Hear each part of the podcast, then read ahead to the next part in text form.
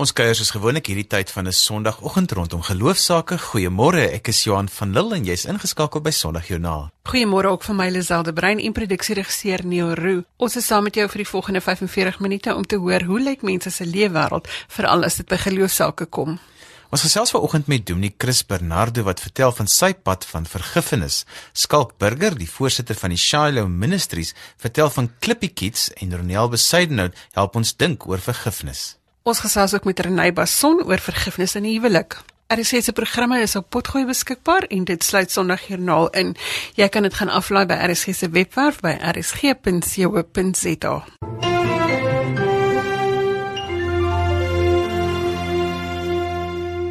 Dr. Ronel Besuidenhout is by die Fontainebleau Gemeenskapskerk in Johannesburg en sy sluit vanoggend by ons aan om te gesels oor skuldgevoelens. Goeiemôre Ronel. Hallo Lisel. Ronel, ek dink die lewe sou vir ons baie makliker gewees het as ons almal tog net met 'n handleiding uitgekom het met stappe of kolpunte wat gesê het hierdie situasie moet jy nou so hanteer. Hier is drie riglyne en daai situasie nou moet moet jy nou met hierdie drie goed belangrik ag. Skuldgevoelens en vergifnis. Help vir ons om hieroor te dink. Weet jy, mense het uh, op 'n manier sal sommige mense dink skuldgevoelens kan iets negatief wees, daai lekker kalvinistiese uh skuldgevoelens. Ehm um, maar ek het die idee dat 'n mens ook positiewe skuldgevoelens kry. Die een kan 'n negatiewe effek in jou lewe hê en die ander een kan 'n positiewe effek in jou lewe hê of 'n groei effek hê. Ehm um, skuldbelydenis wat met guilt, wat is die Afrikaanse lekker woord nou skielik, dat jy dat jy skuldgevoel het, ehm um, wat nie by skuld vrystelling uitkom nie. Wat wat jou nie by 'n by vreugde laat uitkom nie, maar wat jou net die hele tyd aftrek, bly 'n negatiewe ding, né?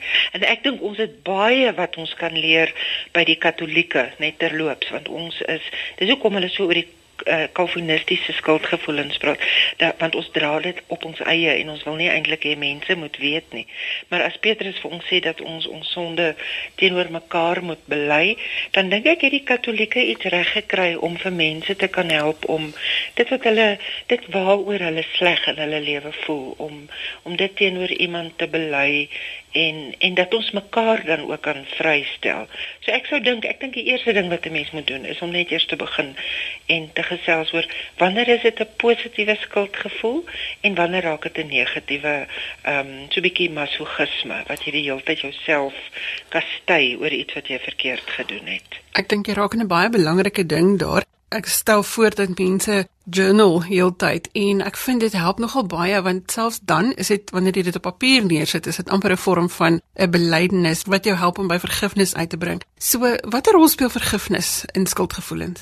Ek dink dat 'n mens ook moet leer om jouself te kan vergewe. Soms dink ek dat dit met 'n oormate van van ego te maak het dat ons dink, weet ons sondes is nou so buitengewoon groot dat as er nou een mens se sonde is wat nie kan vergewe word nie, dan is dit nou my eie een of daai verskriklike ding wat ek gedoen het.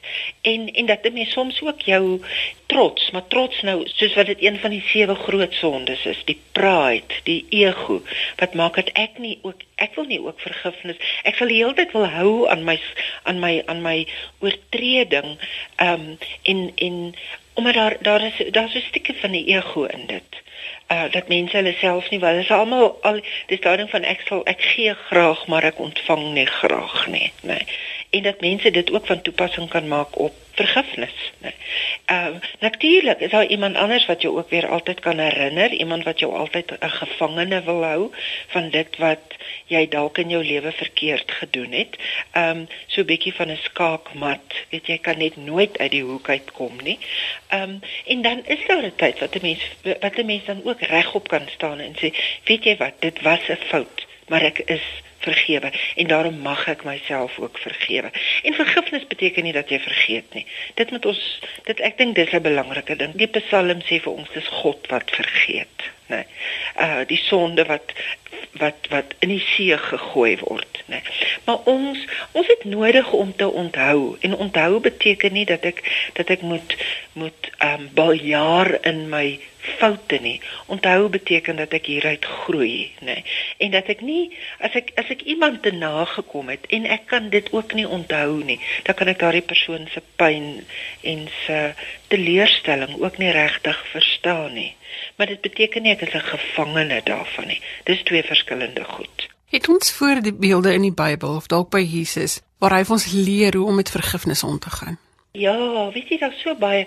Ek dink wat dit is nooit noodwendig net stories wat spesifiek oor skuld gaan nie, want 'n mens kan nou byvoorbeeld dink aan die vrou wat gesondig het en die mense wat haar wou stenig en dat Jesus dan pertinent herinner, ehm um, as jy nie sonde het nie, dan dan dan is jy welkom om dit te doen om iemand te veroordeel, né?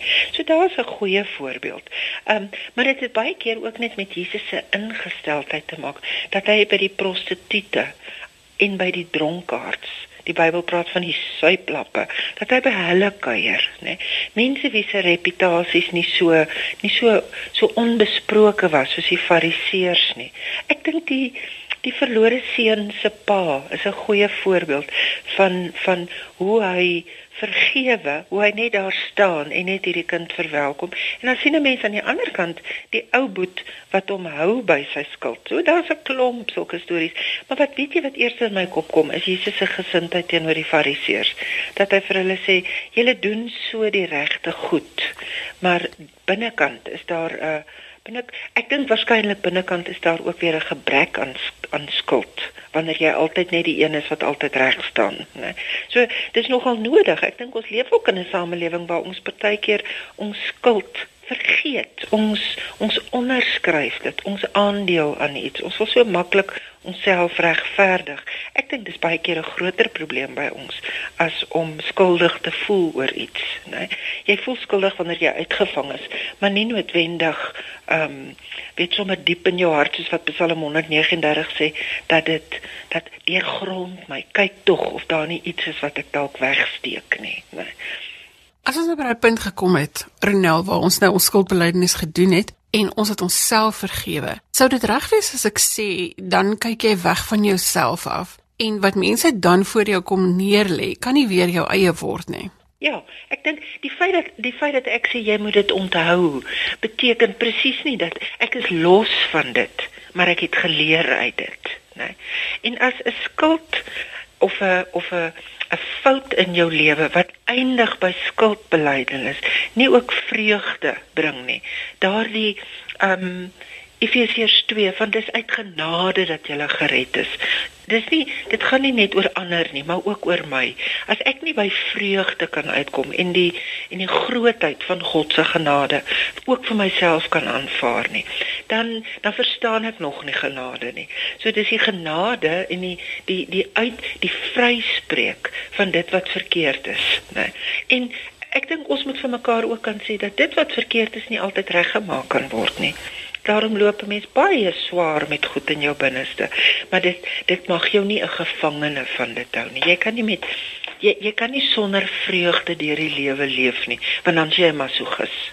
Ja, in jou lewe behoort te dans te wees en nie 'n voortsleepende sak van swaar bagasie nie. Ja, ek ek het nodig om my lewe te bedink. En dit sluit ook in dit wat ek verkeerd doen. En as ek nie uit dit wat ek verkeerd doen ook kan opstaan. Romeine 12 se metamorfose. As ek nie uit dit uit kan opstaan nie dan beteken dit nie dat ek geleer het uit dit uit nie of dat ek gegroei het uit dit uit nie. Maar ons wil ons wil by vreugde en weet jy waarby wil ons eintlik uitkom? Nie vreugde nie. Ons wil uitkom by die gestalte van Christus. Ons wil ons wil groei in die gestalte van Christus in nê so ek wil nie 'n vreugde hê sommer net ter wille van myself nie.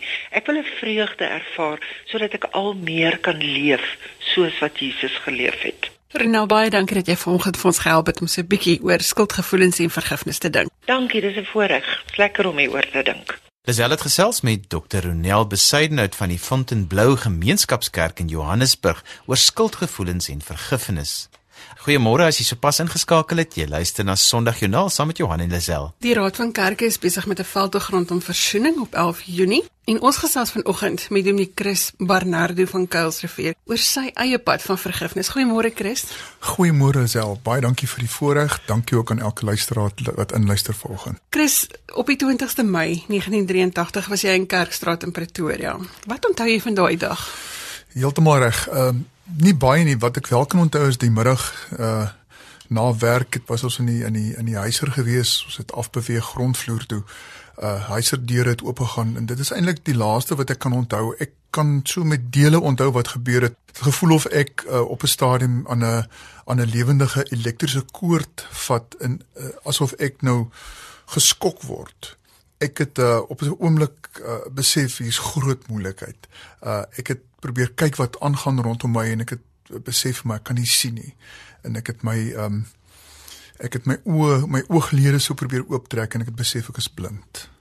Uh my hele liggaam het soos 'n koolvuur gebrand. Ek het aan my hare gevat, dit het so stof in my hand geval en van daar af het ek toe eintlik my bewussyn verloor en so van tyd tot tyd bygekom uh maar kan nie regtig baie onthou van daardie dag nie. Nou dit was die dag wat die Kerkstraat bom afgegaan het, nê? Nee. Heeltemal reg, ja.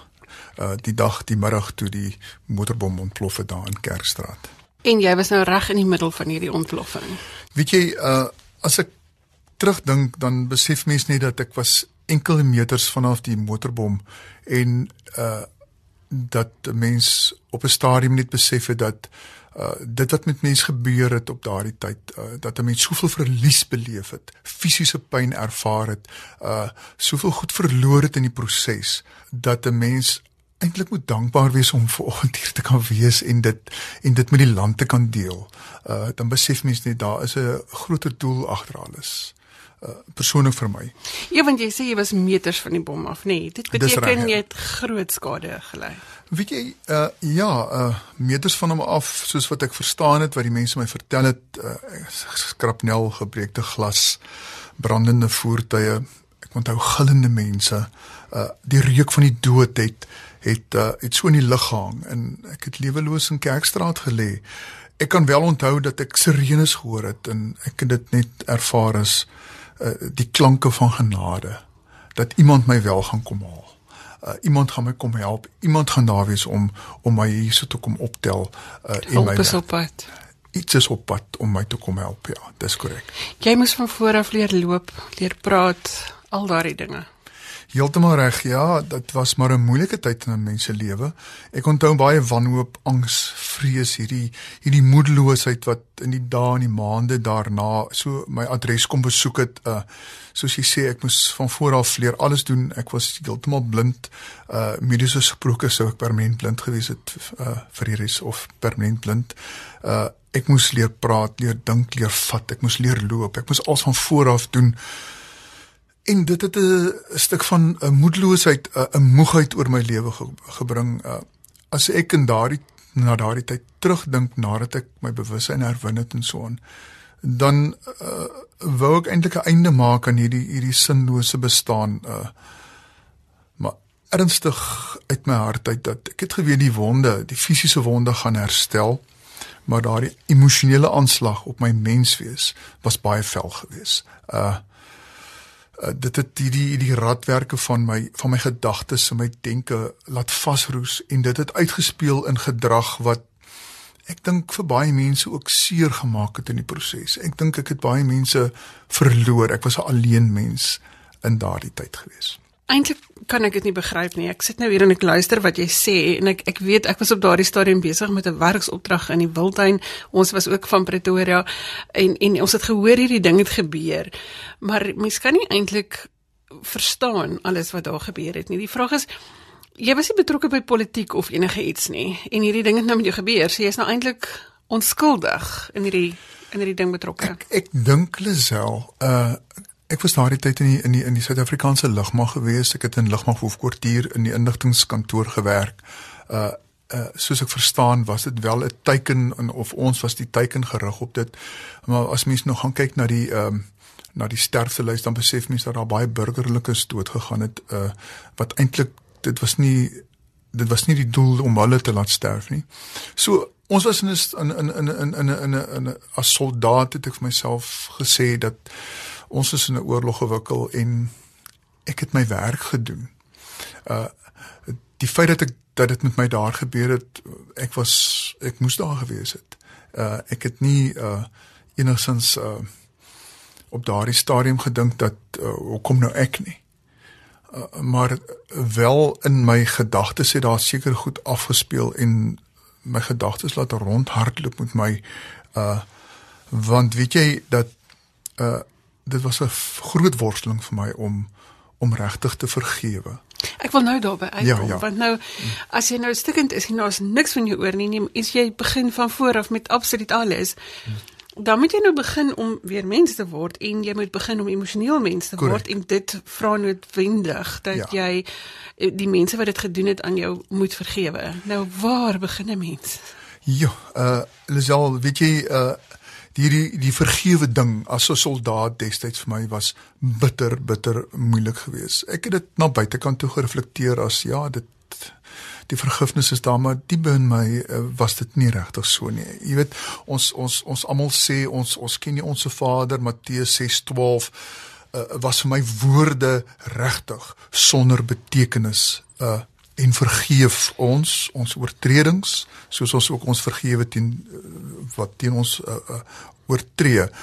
Uh my lewe uh, kan kon vergelyk word met met 'n spinningfiets. Ek het nie beweging nie, ek het net daar gesit en ek ek kon nie goed agterlaat nie. Ek kon nie vorentoe beweeg nie.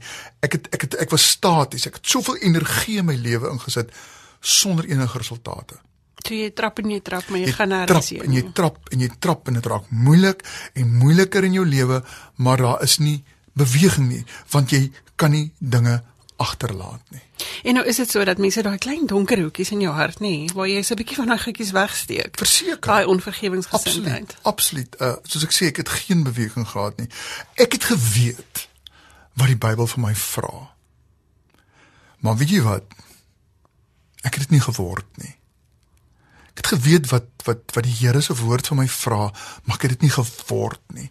Ek het nie vergifnis geword nie.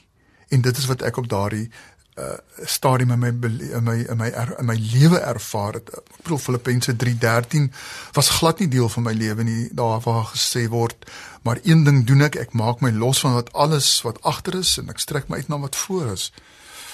Ek het net op een plek bly spin. En tog is jy nou op daai punt waar jy wel toe nou daarby uitgekom het om te vergewe. Het, Ja. het die Here met jou gewerk? Weet jy, kom ek stel dit so vir jou. Tot die dag toe Jesus 'n werklikheid in my lewe geword het. Dis die dag toe ek besef het dat dat die Here eintlik ook tikkie draai oor my dat ek is kosbaar, ek is spesiaal. Toe onthou ek 'n kruis en ek onthou 'n leë graf. En vir Jesus wat hierdie hierdie moe kind veilig na God toe help. Ek kon die bomplanters in God se genade vrylaat.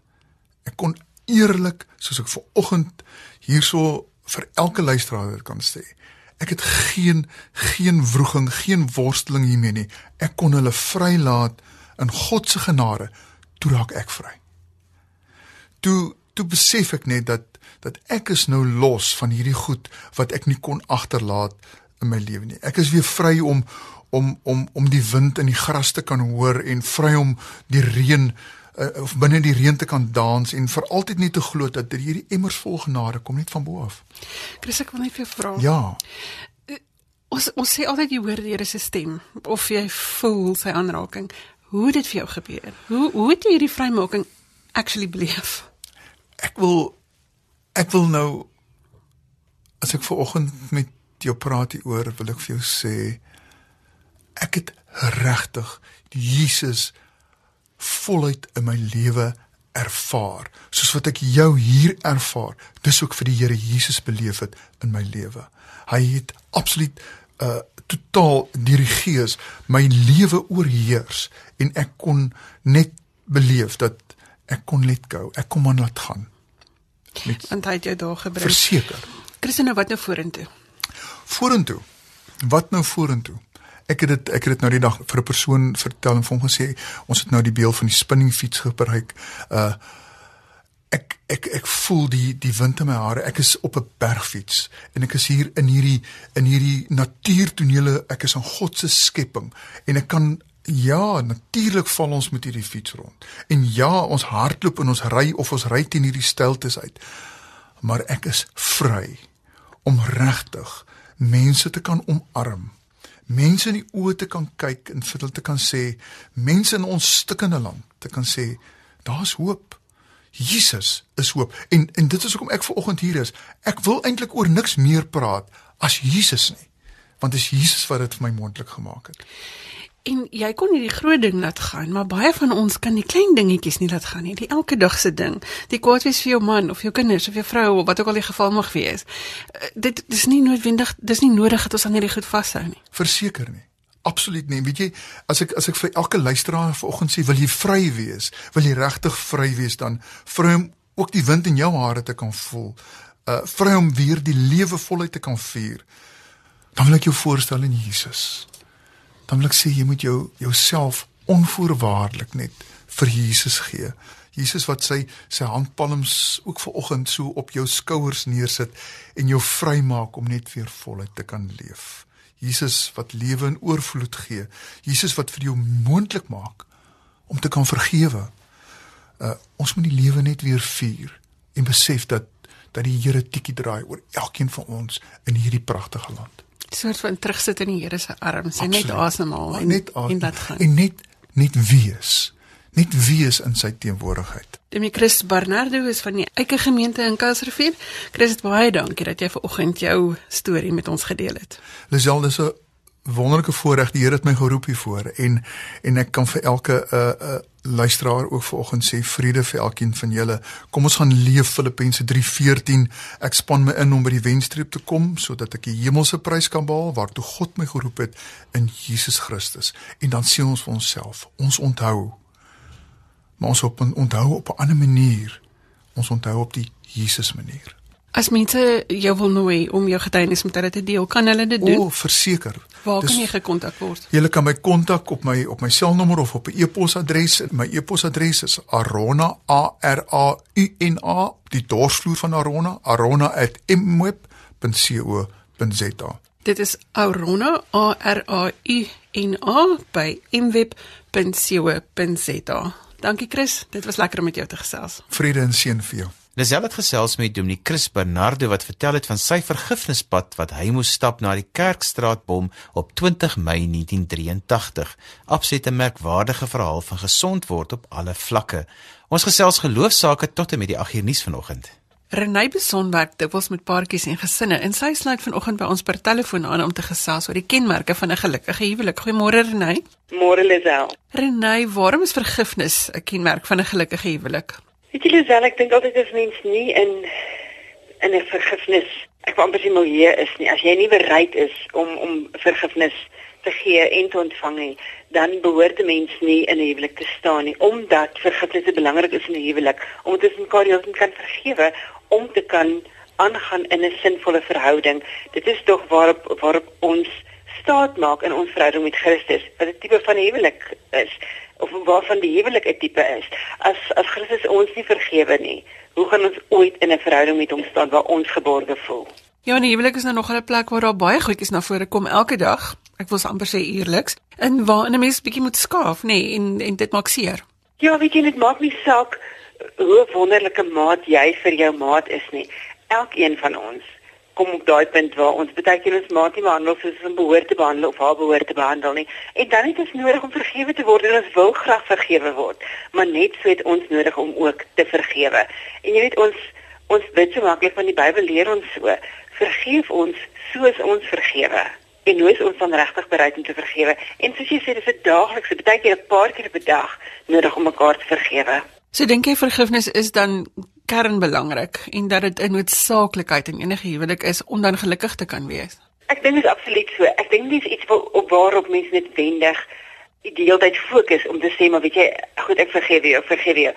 In 'n gelukkige huwelik is dit iets wat wat in elk geval outomaties gebeur omdat 'n mens besef maar jou geluk hang daarvan af om nie iets teen jou maat te hou nie. En dit is hoekom dit so belangrik is wanneer dit dan nie goed gaan in 'n huwelik nie om dan spesifiek te fokus daarop en te sê maar ons moet dit doen. Dit laat my nou nogal wonder, is dit nodig dat ons dit altyd hardop sê of moet jy kan kan dit wees dat jy net in jou hart vergewe? Weet jy, ek dink dit is baie belangrik vir jouself om dit in jou hart te doen as om dit te sê. As jy dit in jou hart gedoen het, gaan jou optrede wys dat jy vergewe het. En net so die teendeel ook, nê. Nee. En die ander ding is ook ons dink baie keer het mense hierdie idee van ek vergewe jou en ek doen jou daardeur guns want vir wat jy aan my gedoen het. Feit van die saak is om te vergewe doen jy jouself die grootste guns. Want as jy nie vergewe nie, dra jy daardie wrok saam en dis 'n las wat jy dra. So jy jy doen jouself 'n guns om jou ma te vergewe. En dis die enigste manier om regtig dan aan te gaan in 'n sinvolle gelukkige huwelik te hê. Mm, en dis amper soos bousteentjies, nê. Nee. Een onvergifnis bou op die ander ene en naderhand raak dit 'n muur. Oh, absoluut en hy groei so en en daai ding skiet mos wortel en hy kry mos kleintjies. So later iets wat wat jy sommer net sou wat verbygaan. Het jy hierdie onvergewensgesindheid in elk geval in jou en raak klein goedjies wat jy nie eens sou raak sien nie, dan nou groot dinge wat vir jou later soveel struikelblokke kan veroorsaak dat dit net moeiliker en moeiliker is om in, in 'n sin voor verhouding te staan. Maar wat ek by sê, net so belangrik is dit ook dat jy wanneer jy in 'n gesin is, dat jou kinders kan sien Mamma en pappa vergewe mekaar wanneer hulle verkeerd teen mekaar opgetree het. Want kinders is nie blind vir hierdie dinge nie. En so leer kinders ook hoe om mekaar te vergewe en eendag in 'n gelukkige huwelik te staan waar hulle weet om te vergewe. So as daar ernstige probleme in 'n huwelik is, soos ontrouheid, kan vergifnis so 'n huwelik red? Ek glo met my hele hart dit kan, maar dan moet die persoon wat verkeerd opgetree het bereid wees. Want kyk, uh, iets soos ontrouheid is is 'n geweldige diep teer seer saak. Dan moet daardie persoon erken ek was verkeerd geweest en om onttrek van die persoon met wie met wie die ontrouheid dan nou gebeur het om te sê en dan het ek jou vergifnis nodig. En dis nie iets wat ons onsself moet moet probeer voorgee gebeur sommer net oornag nie want dit doen nie. Dis 'n proses waardeur 'n mens gaan en so 'n persoon het dan ook nodig dat jy weer moet kan vertrou. En 'n persoon vertrou nie onmiddellik weer nie. Dis ook 'n proses waardeur jy gaan. Maar die een wat ontrou was, moet dan ook bereid wees om so op te tree om die ander se vertroue waardig te wees en weer dit terug te wen. En so ek sê dis 'n proses waardeur jy moet gaan. En selfs dit is iets wat wat goed is as kinders dit ook sien om te sê maar kinders is ons nie net altyd klein en verstaan nie kinders is baie keer ouer wanneer so iets gebeur om te sê maar weet jy wat? Selfs dit wat gebeur het nê nee, is daar genade genoeg in hierdie verhouding tussen my ma en my pa om mekaar te vergewe en gelukkig en sinvol aan te gaan? En ek het al soveel keer ge gesien Lisel dis my so 'n onbeskryflike getuienis van van hoe die Here kan kom nuut maak. Wanneer daar vergifnis was kom herstel hy nie net die huwelik nie hy maak 'n huwelik totaal nuut want hy maak mense nuut om te kan aangaan. Want as ons vergifnis van hom ontvang, is hy tog die een wat ons leer om te vergewe ook. En dan kan 'n mens sinvol aangaan en dan kan kan die ontrouheid wat in die huwelik was, afsies in 'n getuienis om omgeswaai word. Dit is wat die skrif ons sê, alles werk in goeie mee vir die wat die Here liefhet. So as jy deur daai proses is van werklik vergewe het en die Here het kom nuut maak, kan dit absolute getuie word tot eer van die Here. As ons nou hierdie hele gesprek moet opsom oor vergifnis in 'n huwelik, wat sal dit wees? Lisel, as ek dit in een sin moet saamvat, wat die skrif sê, vergewe ons soos ons vergewe. En Christus het vir ons kom wys hoe om te vergewe, want hy vergewe asof dit wat ons verkeerd gedoen het nooit gebeur het nie. En daarom kan ons in 'n sinvolle verhouding met hom staan waar ons gekoester voel en waar ons gekoester word en waar ons gelief gehê word en dit kan ons ook in ons huwelike toepas maar ons het uiteraard die Here nodig om ons deur daai proses te kan vat. Renée Basson is die bemarkingsbestuurder van Intiem Tydskrif en het met ons gesels oor die belangrikheid van vergifnis in die huwelik. Renée, baie dankie vir die saamgesels vanoggend. Dankie Lisel. En so gesels Renée Beson, as jy nou net ingeskakel het, sê ons goeiemôre. Jy luister na Sondagjoernaal saam met Johan en Lisel.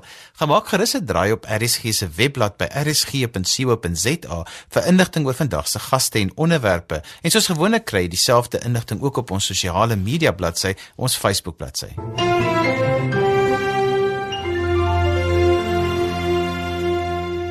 Lisel het by die gemeenskap van Kliprivier gaan kuier en op 'n baie besonderse skool afgekom. Kom ons hoor. Gesels met Skalkburger, hy is die voorsitter van Shiloh. Vertel vir ons van Klippie Kids. Wat ons hierso het is 'n skool van uitnemendheid. Uh ons sê dat jy nie 'n kind uit 'n plakkers het in 'n plakkers kleuterskool kan bring nie. Containers is daar vir bokse, nie vir diere nie, definitief nie vir kinders nie. En, en jy kan nie diskrimineer teenoor 'n kind wat 'n arm ouer het nie, maar of 'n miskien 'n onverantwoordelike ouer het nie uh, wat jy vir jou eie kinders gun, moet jy ook vir ander kinders gun. En die Here het vir ons gewys dat ons moet vir hierdie kinders die beste opleiding in die wêreld gee in eerste wêreld omstandighede sodat jy uh, omstandighede waar jy bereid is om jou kinders hier net te sien dis ons minimum vereistes. En dit is die manier wat ons hoe ons dit op hierdie stelsel of die kurrikulum afgekom het. Die skool is nou 10 jaar oud. Uh, ons het omtrent 12 jaar gelede begin uh, die, die Here vir my uitgedaag deur 'n konferensie van Etselwose van transformasie waar hy eh, die ou gesê het if you are in the ministry and part of your ministry is not looking after the poor then you don't have a ministry. En dit het my bietjie tussen die oë getref en ons as gemeente van Stellenberg werk al 30 jaar in die gemeente op daai stadium. Elke 6 weke het ek met 'n span uitgekom om te kom preek in sonnaskool te hou hierso en dit was daai saterdag wat ek deur my hierdie ge-challenge het en sonderdag was dit my beurt om klip ewel te kom en toe ek hier kom toe vra ek vir die Here waar wil hy agter ek moet agter die armes kyk? Toe sê hy hier jy moet begin met 'n kleuterskool jy moet werkskip in 'n klomp goeders het ons uh, begin doen en en dit is op die einde toe ons al die mense wat hier gewerk het bymekaar gekry en omtrent so vir die jare wat het ons saamgekom en toe besluit ons saam die kleuterskool is 'n prioriteit en dit is hoe ons die kleuterskool begin het. Eh, toe het ons twee onderwyseresse uh, geïdentifiseer waarvan Janet een van hulle was. Ons het hulle 3 maande na Wersig in Stellenbosch toe gestuur en vir 'n uh, opleiding daarso hulle leer daar jou 'n klomp goedjies doen. Toe het ons 'n Afrikaans en 'n Khoza onderwyseres en toe het ons met twee klassies begin, 'n Khoza en 'n Afrikaanse klas en so jare wat aangehou en toe omtrent in Desember vakansie 2006 2007 toe sê die Here vir my ons moet vir hierdie kinders die beste opleiding gee. Uh, op daai stadium het ons 'n projekbestuurder hier gehad wat in hierdie groep wat ons so saamgewerk het vorendag gekom het en toe ek vir haar terugkom toe sê ek die Here sê ons moet vir hierdie kinders die beste opleiding gee. Toe sê sy my ek het hierdie vakansie die kurrikulum ontdek. Sy het toe gegaan vir opleiding navorsing gedoen. Ons is nou hier by die skool dis netjies dis baie mooi. Die kinders het toerusting die badkamers is netjies. Jy het vertel van die lappies wat amper 3 maal 'n dag vervang word. Verduidelik vir my hoekom. Ons lese is skoonheid uitnemendheid en orde excellence beauty and order Ons aanbid 'n God wat uitnemend is. Die storieetjie van opvoeding of opleiding of uh opheffing onder arme mense moet altyd jou tweedehandse goed, jou stikkende goed wees en, en die Here het vir ons gesê dis nie hoe dit werk nie. Ons gee vir die mense die beste want die belangrikste in die koninkryk is kinders en en die kindertjies is net so belangrik soos my en jou kindertjies maar is. Dis maar opdrag van die Here hoekom ons dit so gedoen het. Margriet Potgieter is die projekbestuurder van die Yes kurrikulum. Margriet, vertel ons van die kurrikulum wat julle gebruik.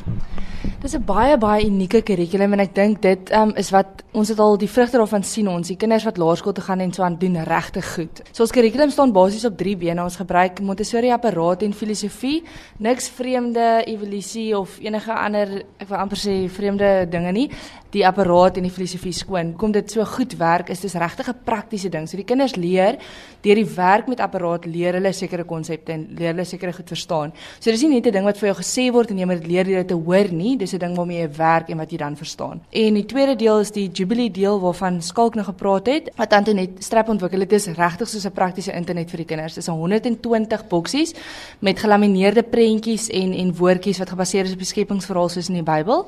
En die kinders leer daar daardeur letterlik van bome en blomme en neute en sade en al wat 'n ding is, noem dit hulle leer dit. En dan die derde deel is gebruik 'n klein bietjie van nasionale kurrikulum um, met kuns en buitespel. Jy praat oor van die boksies.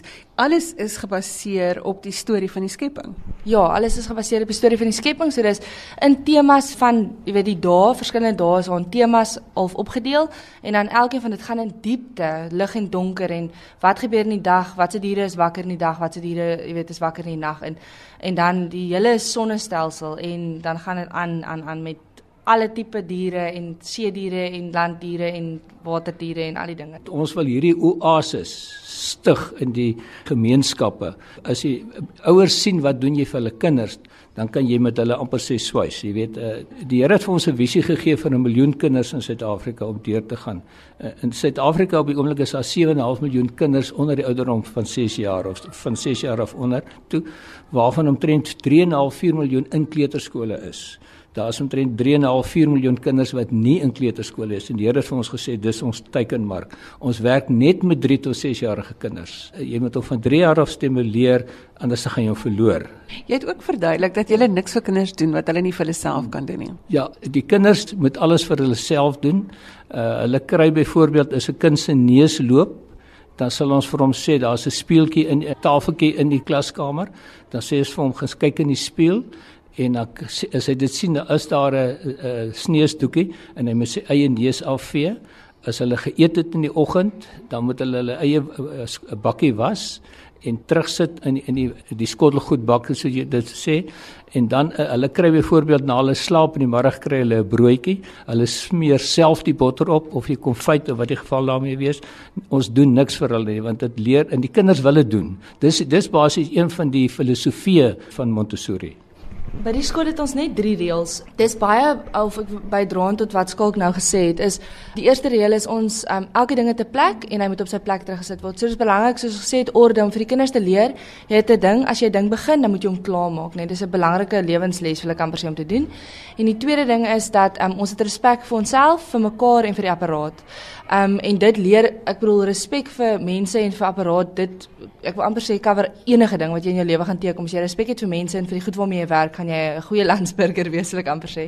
En dan die derde ding is om ons ons onderbreek nooit die kinders nie. So ons sal nooit 'n kind wat besig is om te fokus onderbreek nie. Die rede daarvoor is baie van hierdie kinders gaan na skole toe waar jy sit met 50 of 40, 50 kinders in jou klas en daar's baie keer maar chaos. Ek bedoel die onderwyseres doen obviously hulle bes wat hulle kan, maar daar is baie keer en vir 'n kind om te leer as jy besig is met iets, as jy besig om te leer, dan om te fokus tot jy klaar is met daai spesifieke taakie. En ek dink dit ook 'n baie belangrike ding is dat ons regtig probeer om die kinders nie net voor te berei vir skool nie, maar regtig vir die lewe.